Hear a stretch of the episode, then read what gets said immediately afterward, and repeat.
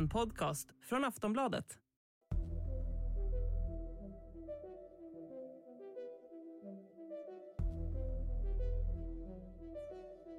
Det lackar mot jul och vissa kanske har börjat dra ner värmen rejält i hemmet och väljer att sätta på sig varma kläder istället. Andra kanske faktiskt har fullskalig panik över den senaste elräkningen och förstår inte hur de ska få pengarna att gå ihop överhuvudtaget. Ja, elpriskrisen har väl inte undgått någon i nuläget och inom politiken har det stormat rejält kring regeringens utlovade elstöd som inte kom den 1 november, vilket de lovade stort innan valet. En viktig detalj här som fanns med det var ju att ni utlovade ett högkostnadsskydd där staten skulle ta den överskjutande delen mot ett onormalt högt elpris under vintern. Eh, så där blev det ju inte. Nej, hur? Det är korrekt. En som har tänkt på det här med elpriserna är Wolfgang Hansson, utrikespolitisk kommentator och kolumnist här på Aftonbladet. Han skrev nyligen en kolumn som inleddes med att snart briserar den tickande bomben med full kraft och att ett nytt och fattigare Sverige väntar oss. Vad menar han med det? Och hur har det egentligen kunnat gå så här långt? Wolfgang Hansson har även tre egna förslag på hur det här problemet bäst bör angripas. Och idag i Aftonbladet Daily ska vi få höra hur de ser ut. Jag heter Vilma Ljunggren. Hej Wolfgang! Hej! Jag har ju läst din senaste kolumn och där skriver du att ett nytt och fattigare Sverige väntar oss. Hur orolig bör jag bli när jag hör det här?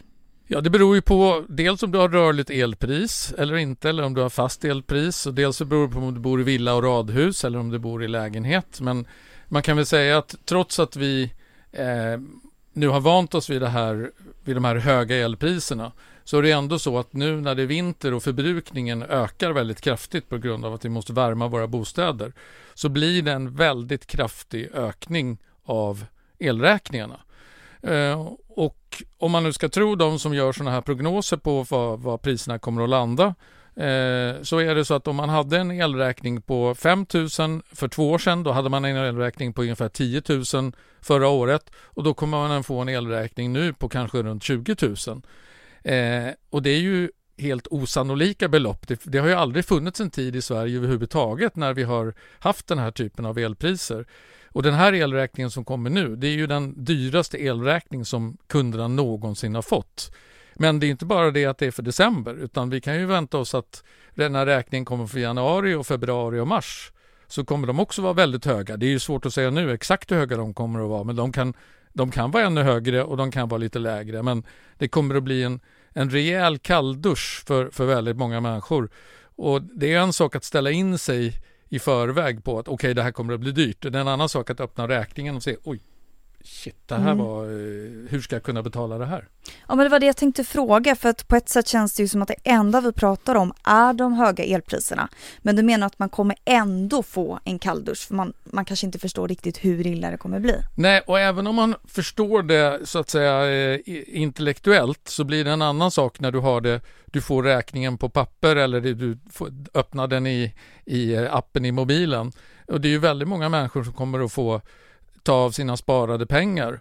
Och det finns säkert de som inte har några sparade pengar som kommer få gå till banken och försöka eh, be om ett lån för att klara räkningarna. Alternativt ringa sitt energibolag och fråga om de kan få anstånd med att betala.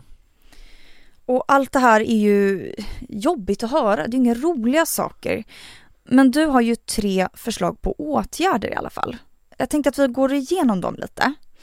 Eh, den allra första formulerar du som att intervenera för att trycka ner elpriset. Hur, vad menar du med det?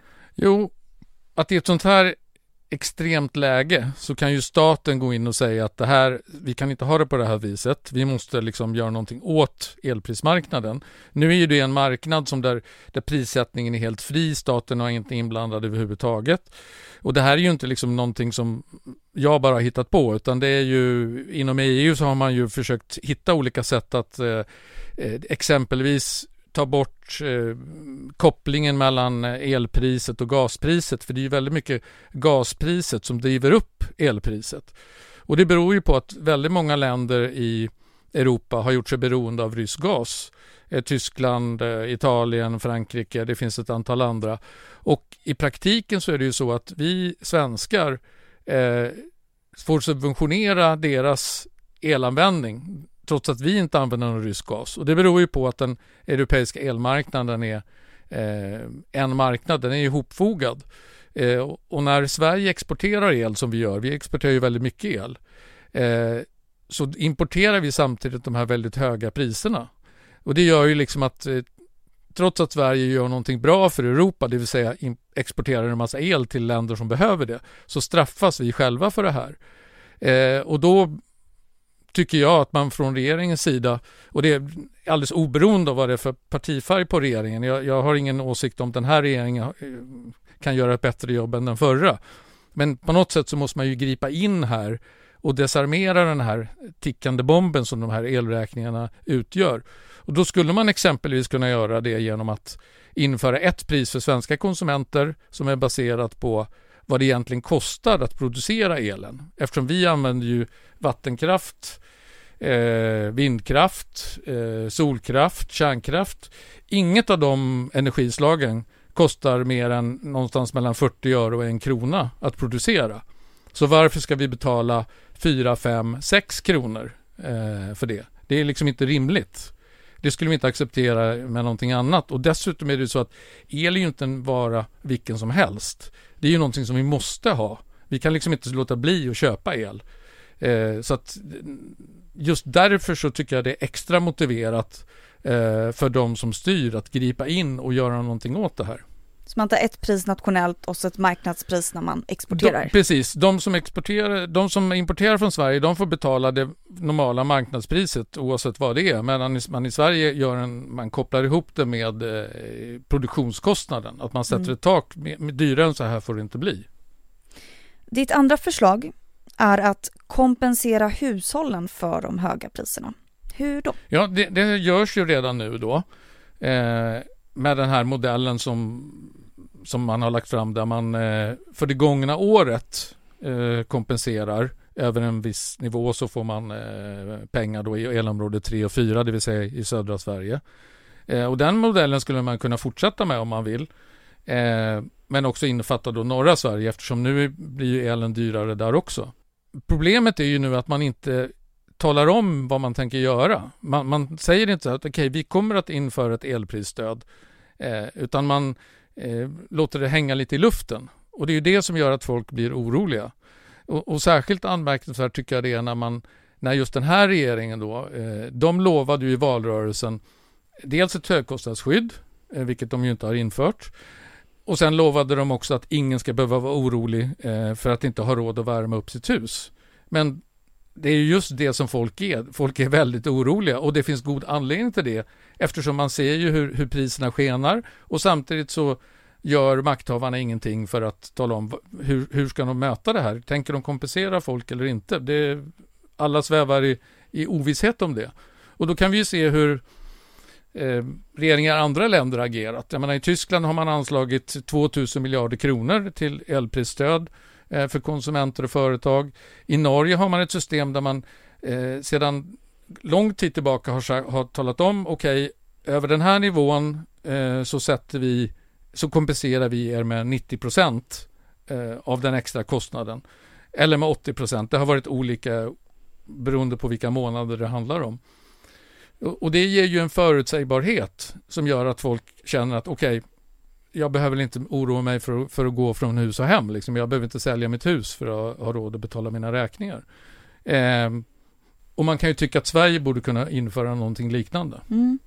Ja, det verkar funka ganska bra i Norge. Varför gör man inte så till exempel? Ja, därför att ett skäl är ju att man är orolig för att folk inte ska spara på elen.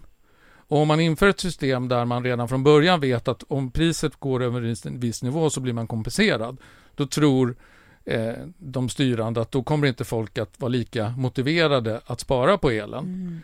Mm. Eh, och då skulle det bidra till att öka inflation och så vidare.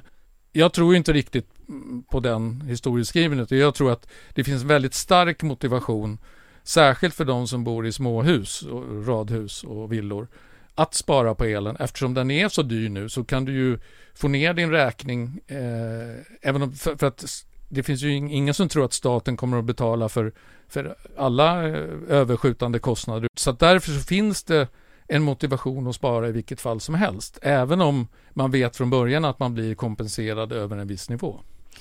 Det leder ju in på ditt eh, tredje förslag, att spara och energieffektivisera. Mm. Och det är ju, tror jag, en väldigt viktig punkt, för det finns, särskilt tror jag, hos, ute hos företagen, så finns det väldigt mycket eh, slöseri inom citat, att, där man inte riktigt har tänkt på att här kanske vi skulle kunna eh, spara eh, el och, och, eller energi, vad man nu använder. Men det finns också ett, en övertro på det här tror jag också, att eh, det, vi, vi, vi översköljs nu av spartips att eh, dra ut din laddare ur eluttaget, eh, eh, duscha två minuter mindre och, och så vidare. Eh, men allt det här är ju egentligen sparande på marginalen. Du kan, den stora kostnaden kan du inte spara på vintertid, för den stora kostnaden är uppvärmningen. Eh, och jag, jag, hörde bara häromdagen nu att eh, Eh, hälsoexperter varnar för att folk nu sänker sin temperatur för mycket inomhus. Eh, de sa i alla fall då att 18, under 18 grader ska man inte ha inne. Och ska du värma ditt hus till 18 grader så kommer det kosta dig ganska många tusen lappar i månaden oavsett hur mycket du sparar på, på allting annat. Ryan Reynolds här från Mint Mobile. Med priset på nästan allt som går upp under inflationen, trodde vi att vi skulle bring våra priser down. So to help us, we brought in a reverse auctioneer, which is apparently a thing. Mint Mobile unlimited premium wireless. Ready to get 30, 30, bit to get 30, bit to get 20, 20, 20, bit to get 20, 20, bit to get 15, 15, 15, 15 just 15 bucks a month. So, Give it a try at mintmobile.com/switch. slash $45 up front for 3 months plus taxes and fees. Promo for new customers for limited time. Unlimited more than 40 gigabytes per month slows. Full terms at mintmobile.com. För det är uppvärmningen som är den stora kostnaden. Aftonbladet Daily är snart tillbaka. Ja, alldeles nyss så hörde du Wolfgangs tre förslag på vad som kan göras för att åtgärda de här stora elprisproblemen. Men han har också beskrivit regeringen som handelsförlamad. Vad menar han då? Vi hör Wolfgang Hansson igen. Ja, alltså nu ska man ju komma ihåg att de har ju suttit väldigt kort tid. Och det är ju inte den nuvarande regeringens fel att, det, att vi har den här situationen liksom på elmarknaden. Eh, för att det är ju någonting som har växt fram under lång tid och sen i kombination naturligtvis med, med kriget i Ukraina som har gjort det här eh, extra besvärligt. Eh, men samtidigt är det ju så att eh, den här regeringen gick ju till val på väldigt tydliga löften om att eh, lösa den här elkrisen eh, och att, eh, att ge medborgarnas elprisstöd. Och, och, det har man ju bara gjort i väldigt liten utsträckning än så länge. Och det, min känsla är ju lite grann att man inte riktigt vet vad man ska göra. Eh, man är ovan vid att styra. Eh, man, eh, det finns många olika alternativ för vad man skulle göra. Det kan vara svårt att överblicka. Vad, vad innebär det om man går in och, och mixtrar med marknaden? Vad innebär de här olika elpris stöden, de olika varianterna, hur, hur påverkar det i ett större perspektiv? Eh, och samtidigt är det ju så att svenska folket vill ha besked. Eh, jag märkte ju efter jag hade skrivit den här artikeln, eh, jag fick ju hundratals mejl eh, från upprörda människor eh, och jag tror verkligen att det här är någonting som verkligen eh, engagerar och upprör folk, att de känner att vad, vad kunde de ha gjort för att undvika den här situationen? I stort sett ingenting. De är liksom hjälplösa offer i det här. Eh, det här vi, de här elpriserna har vi aldrig sett någonsin. Eh, vem hade kunnat förutse det? Eh, och då förväntar man sig liksom att de styrande på något sätt ska agera, åtminstone för att försöka göra någonting åt situationen. Men det känns som att den här regeringen, än så länge i alla fall, har varit väldigt passiv.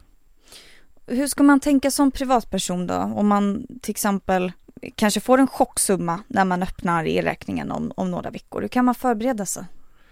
Ja, jag tror att man ska, för det första så ska man ju då, och det borde man ha gjort de senaste månaderna, lägga undan pengar. Eh, jag minns redan, Varberg Energi var ett av de bolag som redan i augusti varnade sina kunder och sa att eh, om ni ska klara vinterns elräkningar så bör ni ha en buffert på 50 000 kronor. Eh, och det är klart, det, det, är ju inte så lätt så här mitt i december och plötsligt lägga undan 50 000 kronor. Juletider också. Nej, precis. Så att jag tror att eh, man får helt enkelt inrikta sig att man måste ta av sina sparade pengar. Man kanske får sälja fonder eller någonting sånt för att kunna betala eh, räkningen. Om, om man bor i, i småhus och, och har ett rörligt avtal. För det kommer att bli extremt dyrt eh, de kommande månaderna. Är det de som drabbas hårdast om du bor i ett småhus och har rörligt avtal? Eller? Ja, därför att det är då du har som störst förbrukning. Bor du i en, bor du i ett bostadsrätt eller en hyresrätt så kommer du också få ökade kostnader. Men oftast så eh, ingår ju värmen i hyran och det innebär att då är det ju eh, i ett senare skede som föreningen eller hyresvärden måste höja hyran för att eh, kompensera för de här ökade kostnaderna. Och då kommer det kanske komma på, på hyran eh, nästa år eller året därpå. En del har ju redan fått kraftiga höjningar mm. av sin hyra och sina avgifter. Så att eh, alla kommer på något sätt att drabbas, men de som kommer att se det här eh, mer eller mindre direkt, det är ju de som bor i småhus och inte har fjärrvärme utan kanske direktverkande el eller något annat värmesystem. När jag pratat med dig här nu idag så får jag ju känslan av att du tycker att många inte har gjort sitt jobb i den här elsörjan. Vem har skött sitt eljobb allra sämst tycker du? Det, det tycker jag är svårt att säga för det, är, det, här är så otroligt komplext och det är så många olika aktörer. Eh, men man kan väl säga att den som ändå måste styra elmarknaden det är ju staten och, och regeringen. Och vi har haft en lång rad regeringar som eh, inte har stakat ut en, en, en tydlig linje som med fokus på att klara Sveriges energiförsörjning. Det har varit en massa ideologiska eh, hänsyn man har tagit hit och dit om man är för kärnkraft, mot kärnkraft, om man är för vindkraft eller mot vindkraft eller vad det nu kan vara för någonting. Men, men el är en fullständigt nödvändig basvara i det moderna samhället. Det går inte att klara sig utan el. Det måste vara varje regerings främsta uppgift att se till att trygga elförsörjningen i Sverige. Och sen kan man ha olika åsikter om hur man gör det, men man måste se till att göra det. Och det har de här eh, senaste 20 årens regeringar inte gjort. Du har lyssnat på Aftonbladet Daily med Wolfgang Hansson, utrikespolitisk kommentator och kolumnist här på Aftonbladet. Jag som gjorde det här avsnittet heter Vilma Ljunggren och tack för att du har lyssnat så hörs vi snart igen. Tired of ads barging into your favorite news podcasts? Good news. Ad-free listening is available on Amazon Music for all the music plus top podcasts included with your Prime membership. Stay up to date on everything newsworthy by downloading the Amazon Music app for free or go to amazon.com slash news ad free. That's amazon.com slash news ad free to catch up on the latest episodes without the ads.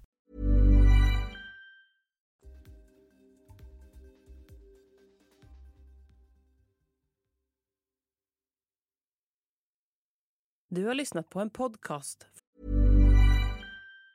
Tired of ads barging into your favorite news podcasts? Good news. Ad-free listening is available on Amazon Music for all the music plus top podcasts included with your Prime membership. Stay up to date on everything newsworthy by downloading the Amazon Music app for free or go to amazon.com slash news ad free. That's amazon.com slash news ad free to catch up on the latest episodes without the ads. Från Aftonbladet. Ansvarig utgivare är Lena K Samuelsson.